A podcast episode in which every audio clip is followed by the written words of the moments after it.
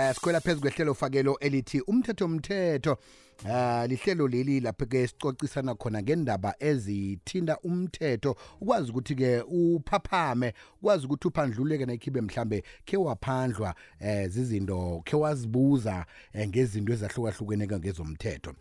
Yena namhlanje sike indaba siyisusela eh kulumeni evele iveke phelileko kulumo le ngethi kube nodade oba ngumsolwa.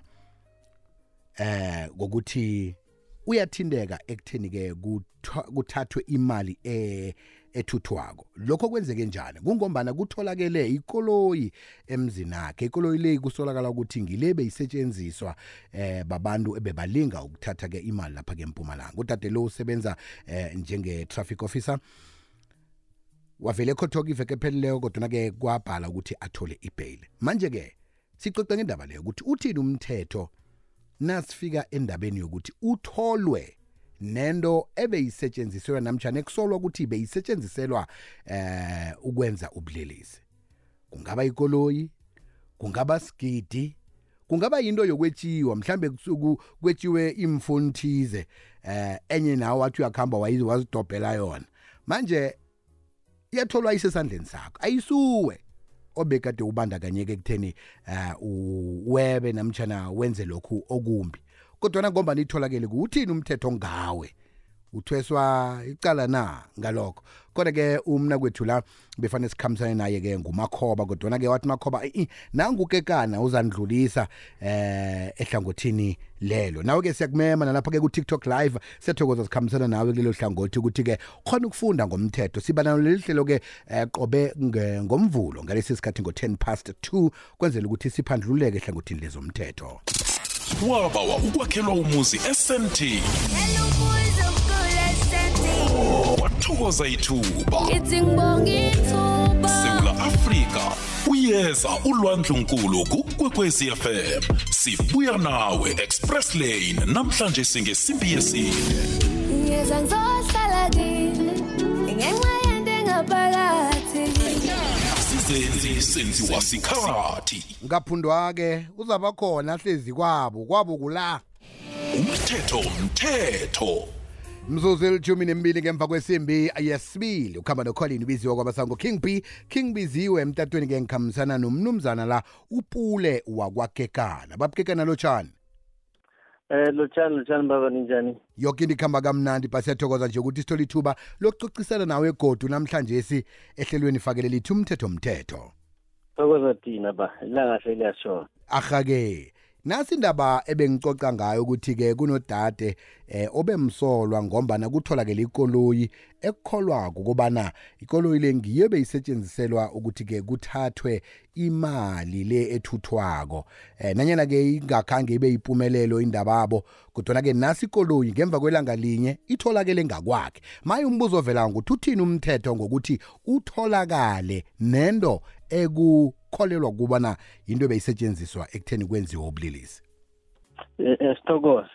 Eh yazi le baba nena, yi sibiza ukuthi it's a very tricky one but Mm. uh, umthetho umthetho umthetho ngiyakhuluma. iye So kahle kahle lana intweni ezifana nalezi we are guided by the Criminal Procedure Act. Uyesitshelayo ukuthi umuntu bamthola in possession of either a suspected stolen good or stolen property that may have committed a crime or has committed a crime. lo muntu loya uzongena enkingeni enkulunkulu kakhulu because why question is mele yena in terms of section 36 ye general law amendments act yakhuluma lapha e-1955 ukuthini ukuthi any person who is found in possession of any goods to which there is reasonable or suspicion that they may have been stolen and is unable to give satisfactory account of such. So now indaba le ebuya eh, from iveke evi- eh, eh, le edlulileyo lo mama lo bamthole in possession of imoto le eh suspected to have committed the crime or ikhona kusenkingeni enkulu kakhulu inesense ukuthi first kumele asitshele ukuthi ifike njani endlini yakhe. Hmm. and futhi umuntu omthetho nayo into ezisibuhlungu-ke ukuthi umuntu omthetho uwazi kuhle umthetho. Ukwazi kuhle umthetho utholwa nento ezimosha umthetho. Utsho ukuthi-ke babukekana isandla singaqiniswa khudlwana kuye eh, njengoba na amuntu womthetho nje. Umthetho mawunje wenza what we call setting up an example ukhombisa ukuthi omunye nomunye ozamayo ukwenza any crime whereas umuntu umthetho umthetho um, umthetho mawenza kanje. What will do it will impose a hefty hefty hefty hefty sentence from minimum of 5 up to 7 years. Asiyisuseke kutheni umuntu womthetho. Na- nangumina ngithi ngiyazikhambela ngithola isigidi phasi egani eh ngithi yeyi ene vele isigidi esi angisithathe ngisifihle amapholisa nakangitholako ngiphethe isigidi lesi. Athola ukuthi isigidi lesi sibulela abantu. Umthetho uthini ngami engidobha into eh beyi-involved ekwenziweni kwe-crime? The moment or the minute uceda ukuyidobha uyayithatha uyise emaphoyiseni uyayiripota ukuthi ngithole isigidi endaweni esho ukuphela basi-check-e mabaceda basi-confiscate ukuthi akusesakho mm. kumana isigidi ukuthi ube naso ukusi-owne kumele uthole ilayisensi makunjalo and then sathola ukuthi sabulala abantu. Bazokubuza ukuthi sifike kanjani ezandleni zakho? Then wena kumele manje uye ngale enkantolo uzochaza ukuthi abantu laba bafile isigidi sithola ngakuwe.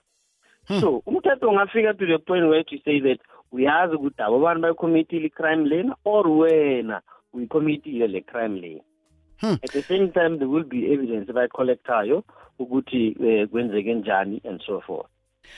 Vane nakuthathwe imali kube ne-heist evelako sibona abantu emavidiyweni badobha imali lapho. Nayikhibeke ngimuntu ngitholakele nemali ekukholwa kukobana eh imali eh ewena mtshana elahleke lokha nakwenziwa i-heist. Eh ngiba mlando nami amapholisa nakangithola ngiphethe imali leyo. Bengizidlulela mina ngathola babamba ikunzi. Ngadobha nami. Manje ngatholakala ngiphethe imali leyo. Ngiba nomlando nami? Yebo wona umlando omkhulu kakhulu um sibiza ukuthi it's an accessory after the fact. Mm. eh remember once i-crime icommitiwe kumele amaphoyisa azesinini basile bacollecte i-evidence. So into uyenzile bakwenza kanjalo ukuthoma u-interfere ne-evidence le ye-committed offense or i-crime Hmm. mayithola ikuwe uyifihlile then uyathathwa nawe because you may either be part of i-heist leyo or ungaze abantu bese babacommite i-heist so i-offense enkulunkulu kakhulu and siyabatshela nabalaleli ukuthi the moment or the minute ubona i- let's say i-cash in transit bayayenza and then imali is all over the place ungazitholi uthatha imali leyo. Umthetho ungathola wena out of hundred people because kaningi kuba nabantu abaningi. Iye mayinjalo uzothola um une-criminal offense. Njeke um nasingathi siyabayelelisa sibapha a word of advice abalaleli eh ngesihloko sanamhlanje singa- singathini nje kibo? Eh, singathi kibo okuthoma eh umuntu osho ukuthi usebenza ngomthetho asekeni ukumoshela umthetho. Umthetho ula kithi uye ukusinakekela okwesibili ukuthi omunye nomunye abona into ukuthi eh it has to do with crime sicela ukuthi bayiripote emaphoyiseni. And bangathathi izinto bangazi ukuthi zibuya kuphi abobani kungcono uthenge into ube nento wazi ukuthi ibuya kuphi nobani and inamaphepha. Mhm. Njeke umuntu ongathoga isizo nesekelo lenu eh bunitholaphi ke babukekani unithola iphi am- email address website nenomboro zomtato? Alright. Eh basithola ku www.mpela.co.za ku website. Ku nomboro basithola ku 012 452 9260. And then ku email basithola ku mpela@mpela.co.za. ngibawa siyibuyelele godu eh ilwazi lelo Alright. Uh, i-email ngizothoma ku email email address ithi mpela@mpela.co.za. I-website it's www.mpela.co.za. And inomboro kokugcina it's 012 452 9260.